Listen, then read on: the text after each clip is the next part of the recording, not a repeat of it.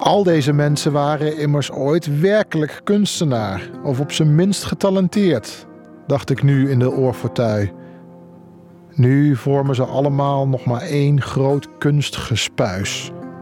Dat met kunst, en dus met het kunstzinnige, net zo weinig gemeen heeft als het avondmaal van de echte Lieder Auersberger. Welkom bij Lees Days, de podcast over vergeten meesterwerken. Dit keer spreken Anton de Goede en ik, Irene Houthuis, met kenners over het boek Houthakken van Thomas Bernhard. Bernhard is een Oostenrijker die bekend staat als een van de belangrijkste toneelschrijvers van zijn tijd. Hij is in 1989 gestorven, nog maar 57 jaar oud. In zijn boek Holzvellen beschrijft de verteller een kunstzinnig avondmaal. Laat op de avond bij het echtpaar Auersberger in Wenen in de jaren 80. Hij zit in het boek De Ik Vertellen in een oorfortuin. Dat is zo'n zo'n klassieke stoel met uh, tegen, aan de rugleuning zo'n Mickey Mouse oren. Pauline de Bok. Ze heeft samen met Chris Bakker dit boek vertaald. En daar zit hij in, in, in, in die kamer, dus bij de Ouwersbergers. En kijkt dat allemaal aan, wat daar gebeurt. En laat alles steeds maar door zijn gedachten gaan. Dan krijg je ook die perspectiefwisseling in de tijd. Dat maakt het soms ook heel lastig met te vertalen. Hij zit daar. Hij denkt terug aan de ochtend. Dat ze een goede vriendin hebben begraven die zelfmoord heeft gepleegd. Hij denkt vandaar weer verder uh, aan nog vroeger. En dan zegt hij, denk ik, jetzt dachte ik, dachte ik. Uh, voorheer. Um, dus dat, dat is een soort drosten-effect wat je bijna krijgt.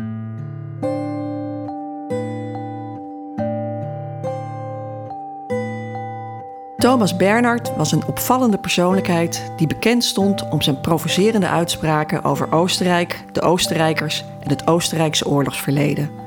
Literatuurwetenschapper Barbara Mariacher, zelf Oostenrijker, is kenner van zijn werk en zijn leven. Thomas Bernhard is wel uh, wat je als Einzelgänger uh, benoemt. Ja? Hij heeft uh, zeer teruggetrokken in zijn vierkanthoeve in Opper-Oostenrijk geleefd. Had alleen samen met een 38 jaar oudere mevrouw, die zijn een soort geliefde of soort moeder was voor hem. Dat was Hede Stavjanicek. En verder was hij wel, kunt me wel, eh, misantroop noemen. Hij hield niet zeer van gezelschap, eh, van dat wat in Nederland gezellig eh, zou moeten heten. Dat, daar was hij geen voorstander van. Die misantropie, die zwaarmoedigheid. Heeft u als kenner nou eigenlijk een oorzaak daarvoor kunnen vinden? Nou, dat kan misschien met zijn opgroeien samenhangen. Want hij is duidelijk zonder een vaderfiguur uh, opgegroeid, zonder zijn vader. Hij kende zijn vader niet. Hij is opgegroeid met een zeer strenge grootvader, die ook uh, schrijver was, een herkende schrijver in Oostenrijk. En die hem eigenlijk al van kindsbeen af uh, Schopenhauer heeft voorgelezen. Nou, Schopenhauer kennen wij allemaal als misantroop. En zo is eigenlijk de misantropie met de paplepel ingegoten. Ja. En hij is geboren in Heerlen, omdat zijn moeder ongewenst zwanger was. En als ongetrouwde moeder daar in een soort katholiek centrum. Uh, dat, ja, dat is ook eigenlijk een biografisch gegeven wat uh, erin hakt. Ja, dat klopt. Op dit gegeven was hij trouwens altijd een beetje trots. Want hij zei: Ik ben aan, aan, aan zee opgegroeid. En hij heeft daar zelf zo'n een individuele mythos daarvan gemaakt, die eigenlijk niet zo klopte zoals hij het tijdens zijn leven vertelde. Nee, want Heerlen ligt niet aan zee, zoals wij allemaal weten. Dat klopt. En hij was ook niet zo lang in Nederland. Zo, uh, hij beweerde meer dan anderhalf jaar, maar het was eigenlijk niet zo lang. Thomas Bernhard staat vooral bekend als toneelschrijver. In Nederland zijn zijn stukken veel opgevoerd. Toneelgezelschap Maatschappij Discordia heeft Bernhard vaak gespeeld. Onder andere Amtsiel, Ritter Dene Vos en Heldenplats.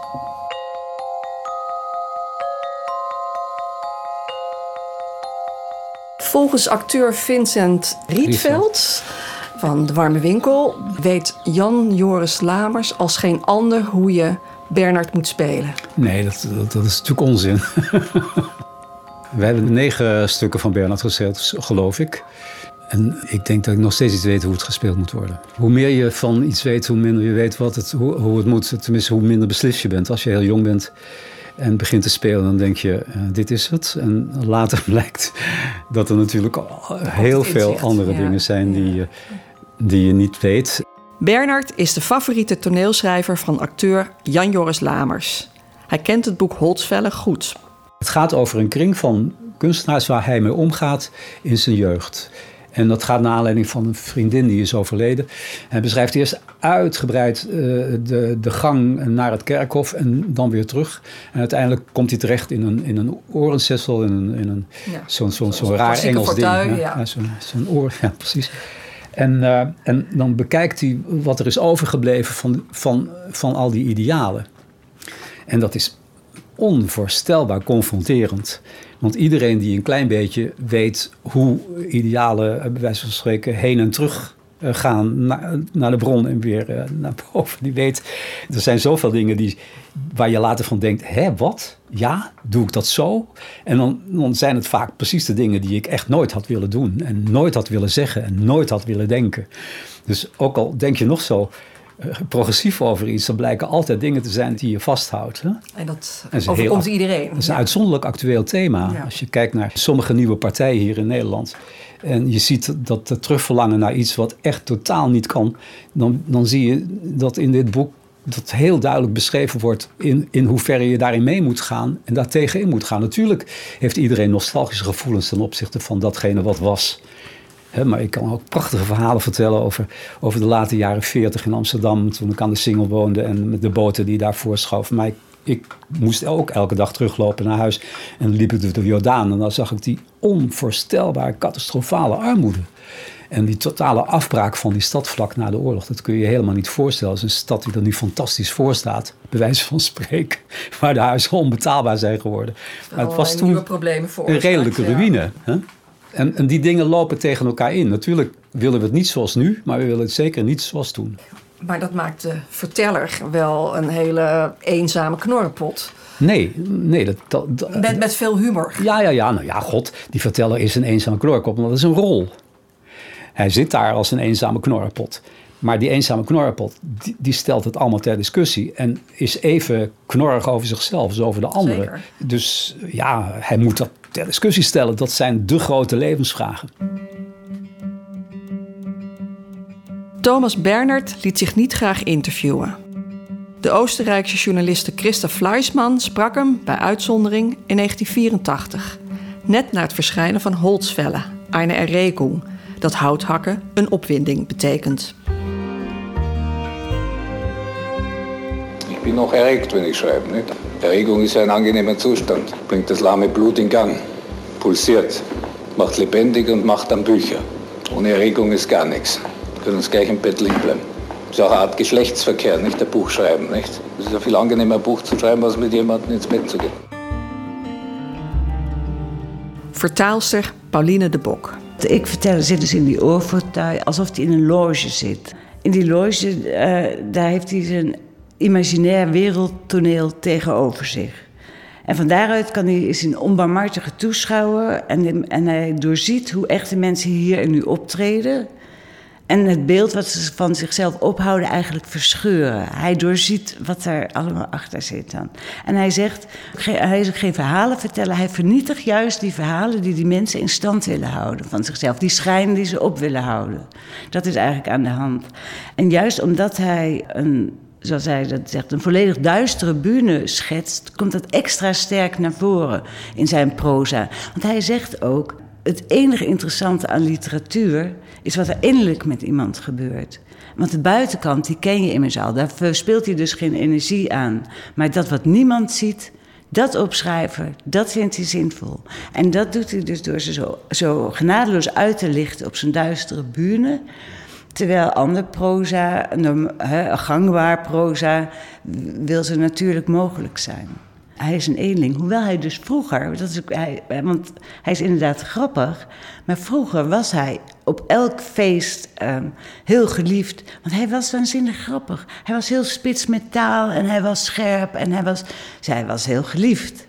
En dat heeft hij op een gegeven moment dus ja, niet meer ge- gewild en heeft afstand van genomen. En omdat hij het walgelijk vond, eigenlijk.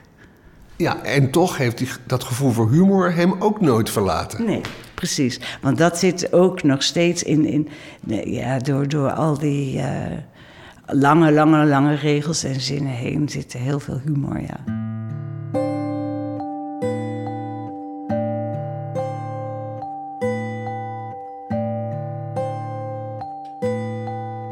Mij fascineerde het fenomeen van de tegenstrijding. Dat betekent dat hij aan de ene kant zet hij de lezer op één spoor, maar de lezer moet nooit eh, daar intrappen, want eh, twintig bladzijden later zegt hij precies het tegenovergestelde. En dat is een, een literair principe in zijn werk. Als je dat in de, deze structuur hebt, dan betekent dat, dat dat je niet kunt kiezen tussen zwart of wit. Kunt u daar een voorbeeld van geven?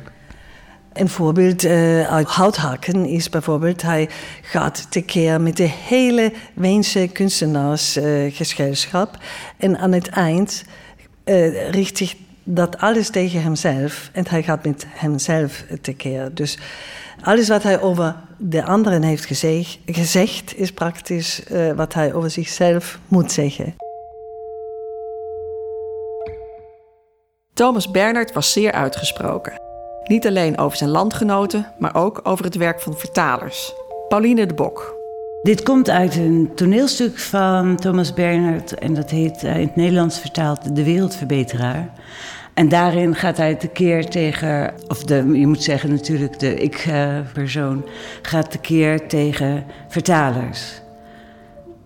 Dat gaat als volgt. Mijn traktaat tot de verbetering van de wereld is in 38 talen vertaald.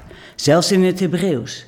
De Chinese vertaling is in voorbereiding. Al die vertalers hebben zich steeds weer om hulp vragend tot mij gewend. Maar ik heb ze niet kunnen helpen. Een vertaler is niet te helpen. De vertaler moet zijn weg alleen gaan. Ze hebben mijn traktaat verminkt, totaal verminkt. Vertalers verminken de originele.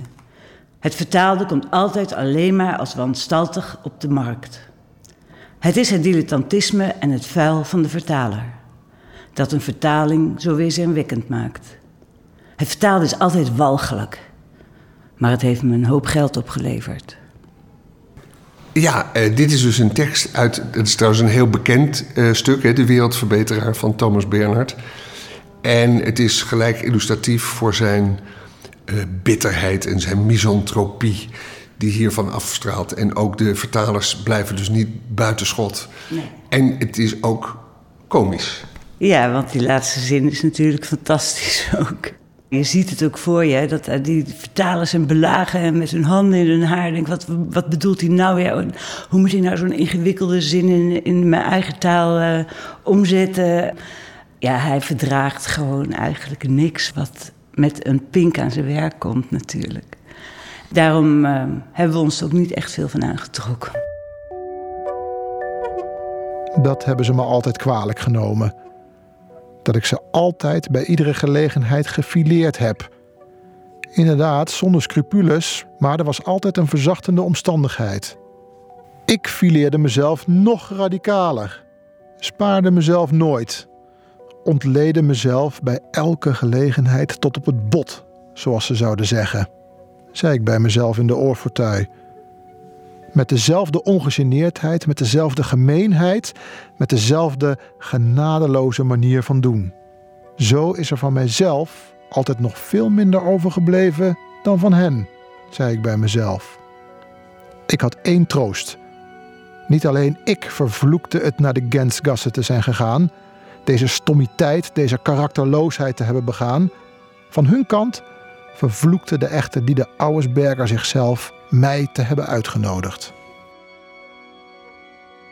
Acteur Jan-Joris Lamers is dol op het werk van Bernard. Hij vindt hem humoristisch, kritisch en opvallend open. Je merkt dat ook in de brieven die hij heeft met zijn uitgever. Dat hij om het minste en geringste op echt in hevige woede ontsteekt. En bang is uh, belazen te worden, niet voldoende geld voor iets te krijgen en dat soort dingen. Dus hij is heel licht, uh, licht geraakt. Maar die lichtgeraaktheid die wordt in die stukken ook voortdurend en in de romans voortdurend ter discussie gesteld. Die mensen die, die zo licht geraakt zijn, die worden door hem gefileerd. Hij fileert zichzelf door middel van anderen. Ja, hij, hij, hij spiegelt. Ja, Ja. ja. hij spiegelt, ja. En hij heeft daar ook... Ja, ik vind het zeldzaam humoristisch ook. Ik vind het zeldzaam eh, open. Veel opener dan de meeste mensen. Als je kijkt naar, naar, naar heel veel eh, stukken die ge- geschreven worden in, zeker in die tijd, eh, die, die, ik niet- die ik daar niet mee. Ik wil, die, ik wil er geen kwaad over spreken, maar dat- hij was toch altijd mijn favoriet, eerlijk gezegd. En leg dat nog eens uit. Waarom? Om, Ja, vanwege de, dat, datgene wa- wa- wat je, in aantreft, eh, wat je hem aantreft, tre- tref je ook eigenlijk aan in Amsterdammers. Het feit, eh, een soort relatieve, eh, relativering van het kwaad, een relativering van de woede, relativeren van, van de grootheidswaan, al, al die dingen. Hè? Hard, soms lijkt het meedogenloos, maar het slaat altijd terug naar degene die het zegt. De, je kunt dat nooit zeggen eh, terwijl je ook niet meteen eh, laat zien dat je, ook niet, dat je niet vreemd bent eh, aan, aan dat soort gevoelens. en dat soort behoeftes. Hè, dat, dat is echt belangrijk. Pauline de Bok, je hebt dit boek samen vertaald met iemand anders, met Chris Bakker. Samen een boek vertalen, hoe werkt dat eigenlijk? En hoe eh, hebben jullie je taken verdeeld? En wie is Chris Bakker? Ik ken Chris van de Vertalersvakschool. Ik eh, geef daar les. En eh, Chris was een student. Hij is gepensioneerd fundamenteel natuurkundige. En verdiept zich al heel lang in Thomas Bernhard en in de Duitse literatuur. Is echt een aficionado. En we hadden hem ook eh, uitgenodigd om, ik, zei leuk om met jullie samen te praten. Ja, maar hij ehm, houdt niet zo van de openbaarheid. Hij, z- hij zit liever op zijn studeerkamer en studeert en vertaalt en werkt. Dus- Gaat dan zijn identificatie met Thomas Bernhard zo ver dat hij even schuchter en mensenschuw is geworden? Nou ja, in elk geval is het hem niet helemaal vreemd. En herkent hij ook wel dingen in de persoon van eh, Thomas Bernhard. Hij muziceert ook heel veel, dus hij houdt ook enorm van, van dat, dat, dat muzikale. Hij is heel gevoelig voor in de taal. Dus voor, en hij was een van de beste studenten daar. En ik vond het fantastisch om het met hem samen te doen. Ik zou het nooit alleen gedurfd hebben. Want het kost waanzinnig veel tijd. Ik moet ook nog gewoon werken. Ik kan me niet eindeloos met Thomas Bernhard bezighouden. Dus toen hebben we besloten dat het een hele goede combinatie was. Ja, wat goed. Trouwens, die muzikale kant is ook een overeenkomst met Thomas Bernhard dan, want die Ja. heeft ook muzikologie gestudeerd. Ja, dat klopt. Dat is ook eh, precies. En dat kom je ook heel erg in die tekst tegen, die muzikale. Nou ja, we horen het aan de fragmenten die we, die, die we laten horen. Maar nog even, dat heeft nog niet het antwoord gegeven op de vraag hoe je nu samen een boek vertaalt. Hij heeft de eerste versie vertaald, de grove versie. En toen is het eindeloos heen en weer gegaan. Toen heb ik één keer doorheen gewerkt en toen heeft hij, hebben wij becommentarieerd, hebben we dingen. En zo blijven er altijd restdingen over. We hebben heel strikt bepaald van eh, hoe we een woord vertalen. Want als Thomas Bernhard één woord gebruikt, zoals uh, widerwärtig, dat betekent, hebben wij als weerzinwekkend vertaald, dan wilden we dat iedere keer zo vertalen. Omdat je dan het mooiste die herhaling krijgt. En normaal denk je, nou, varieer je eens een keer, of dan, als het niet zo nauw komt. Maar we zagen al, dit komt heel nauw. Inderdaad verberg ik mijn afkeer van al deze lieden, ook van de Auersbergerse zelf, helemaal niet, zei ik tegen mezelf in de oorfortuin. Integendeel, allemaal voelen ze dat ik hen verafschuw, dat ik hen haat. Ze zien dat ik hen haat, ze horen het. De echte lieden Auersberger haten me. Ze hadden begrepen, ik was het overhaast uitgenodigde schoonheidsfoutje van dit avondmaal. En ze vreesden vooral het ogenblik waarop de boerkacteur binnen zou komen en ze iedereen aan tafel vroegen en met het avondmaal zouden beginnen. Ze zagen, ik ben hun observator, het weerzinwekkende individu dat het zich in de oorfortuin gemakkelijk heeft gemaakt en beschermd door het halfdonker van de voorkamer zijn walgelijke spel speelt. Het min of meer fileren, zoals gezegd wordt, van de gasten van de Auersbergers. We hebben een, um, dat heeft Chris Bakker, mijn uh, medevertaler, vooral gedaan. Die heeft een, een soort um, een geavanceerde zoekmachine gebruikt. Daaruit heeft hij woordsoorten gegenereerd. Dus je kunt dan per, je kunt dan zien welke bijvoeglijke naamwoorden hij gebruikt. En een lijst met welke werkwoorden hij gebruikt en hoe vaak. Nou, dat is al ontzettend opvallend dat. Uh, ik moet even kijken, want dat is. Um, bij de werkwoorden komt het woord haten op de zeventiende plaats. Dan moet je je voorstellen, dan heb je woorden als zijn, hebben, gaan, zeggen, antwoorden. Nou, eindeloos veel van die woorden die natuurlijk honderden keren voorkomen. En dan komt het woord haten op de zeventiende plaats.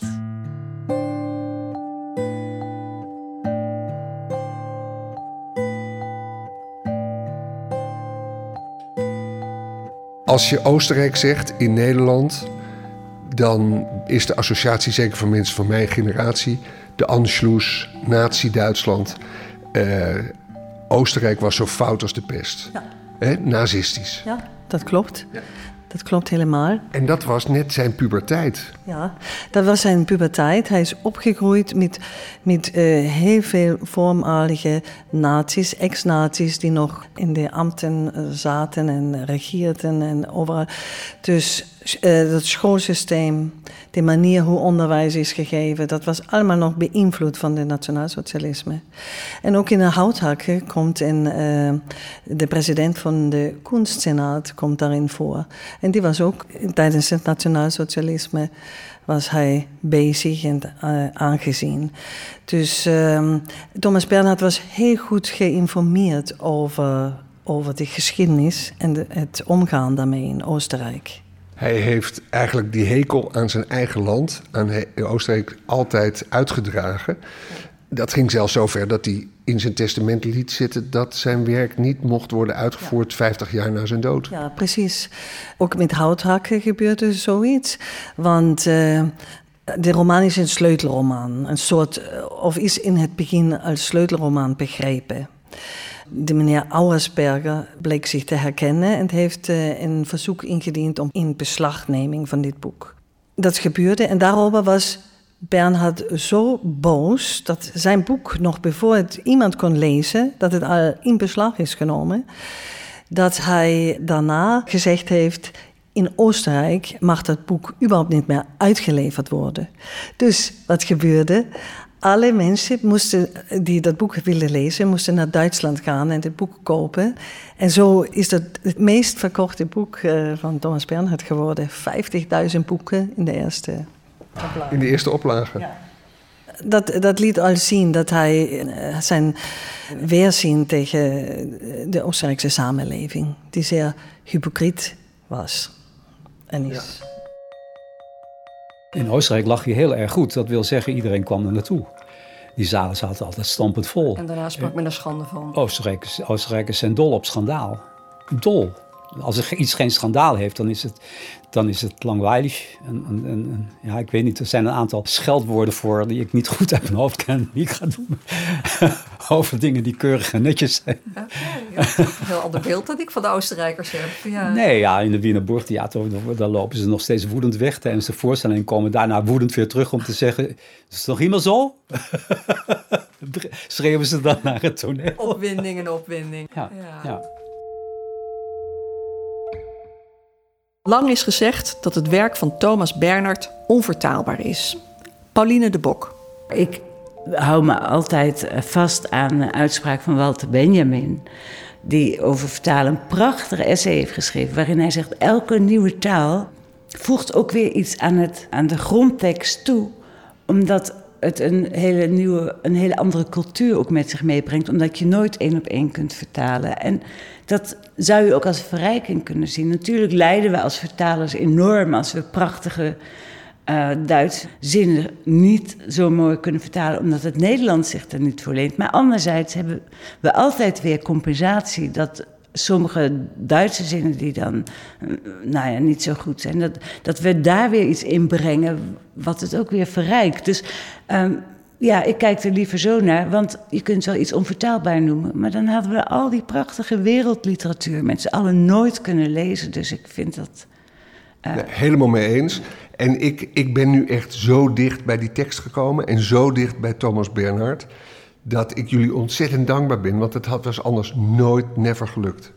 Nee, dat geldt voor veel mensen, denk ik. Want eh, dat is ook nog met Duits natuurlijk. Mensen zeggen heel vaak van, ja, ik lees het wel in het Duits. Zoals ze dat ook bij Engels zeggen. Bij Engels doen ze het misschien nog, maar bij Duits doen ze het bijna nooit. En zeker niet zo'n complex werk met zulke schachtelzetsen, dus van die, van die in elkaar grijpende uh, zinsconstructies en zo. Die, moet, die moeten vertaald worden. Ja. En dat moet niet de indruk wekken dat het een hele ingewikkelde, zware tekst is, want hij leest als een trein. Ja, dat is, komt door die musicaliteit ook. Als je je dan overgeeft aan het ritme en aan die, en aan, aan, aan die lange zinnen en die gedachten en zo, dat, dan, dan. Je moet het gewoon even hardop lezen. Als je dan hardop leest, wij hebben die vertaling steeds hardop gelezen. Chris heeft het nog aan zijn partner helemaal voorgelezen. Om te voelen of het klopt, of het loopt. Of het, en, en, om er weer van te genieten. Gisteren zag ik hem nog. Toen lazen we weer een stuk fragmenten uh, door. En toen ja, dan zitten we allebei helemaal te stralen en te glimmen. Want het is zo fantastisch. Heerlijk. Dank aan Pauline de Bok en Chris Bakker die deze vertaling gefixt hebben. Uh, mogen die een lang leven beschoren zijn. Ja, dat hopen wij natuurlijk ook. Tot zover deze leesdays over Thomas Bernards boek Houthakken. Met vertaalster Pauline de Bok, acteur Jan-Joris Lamers en literatuurwetenschapper Barbara Mariager. Leesdays is een VPRO-podcast aanhakend bij de actie Schwab. Een initiatief van het Nederlands Letterenfonds met aandacht voor schrijvers of vertalingen die extra aandacht verdienen. De teksten werden gelezen door Tom Klaassen Verder dank ik Anton de Goede, Alexandra Koch, Sanne van der Pijl en Berry Kamer. Over de actie SWOP van het Letterenfonds vind je meer op swop.nl, gespeld S-C-H-W-O-B. Graag tot horens, tot bij een andere editie van Lees Deze.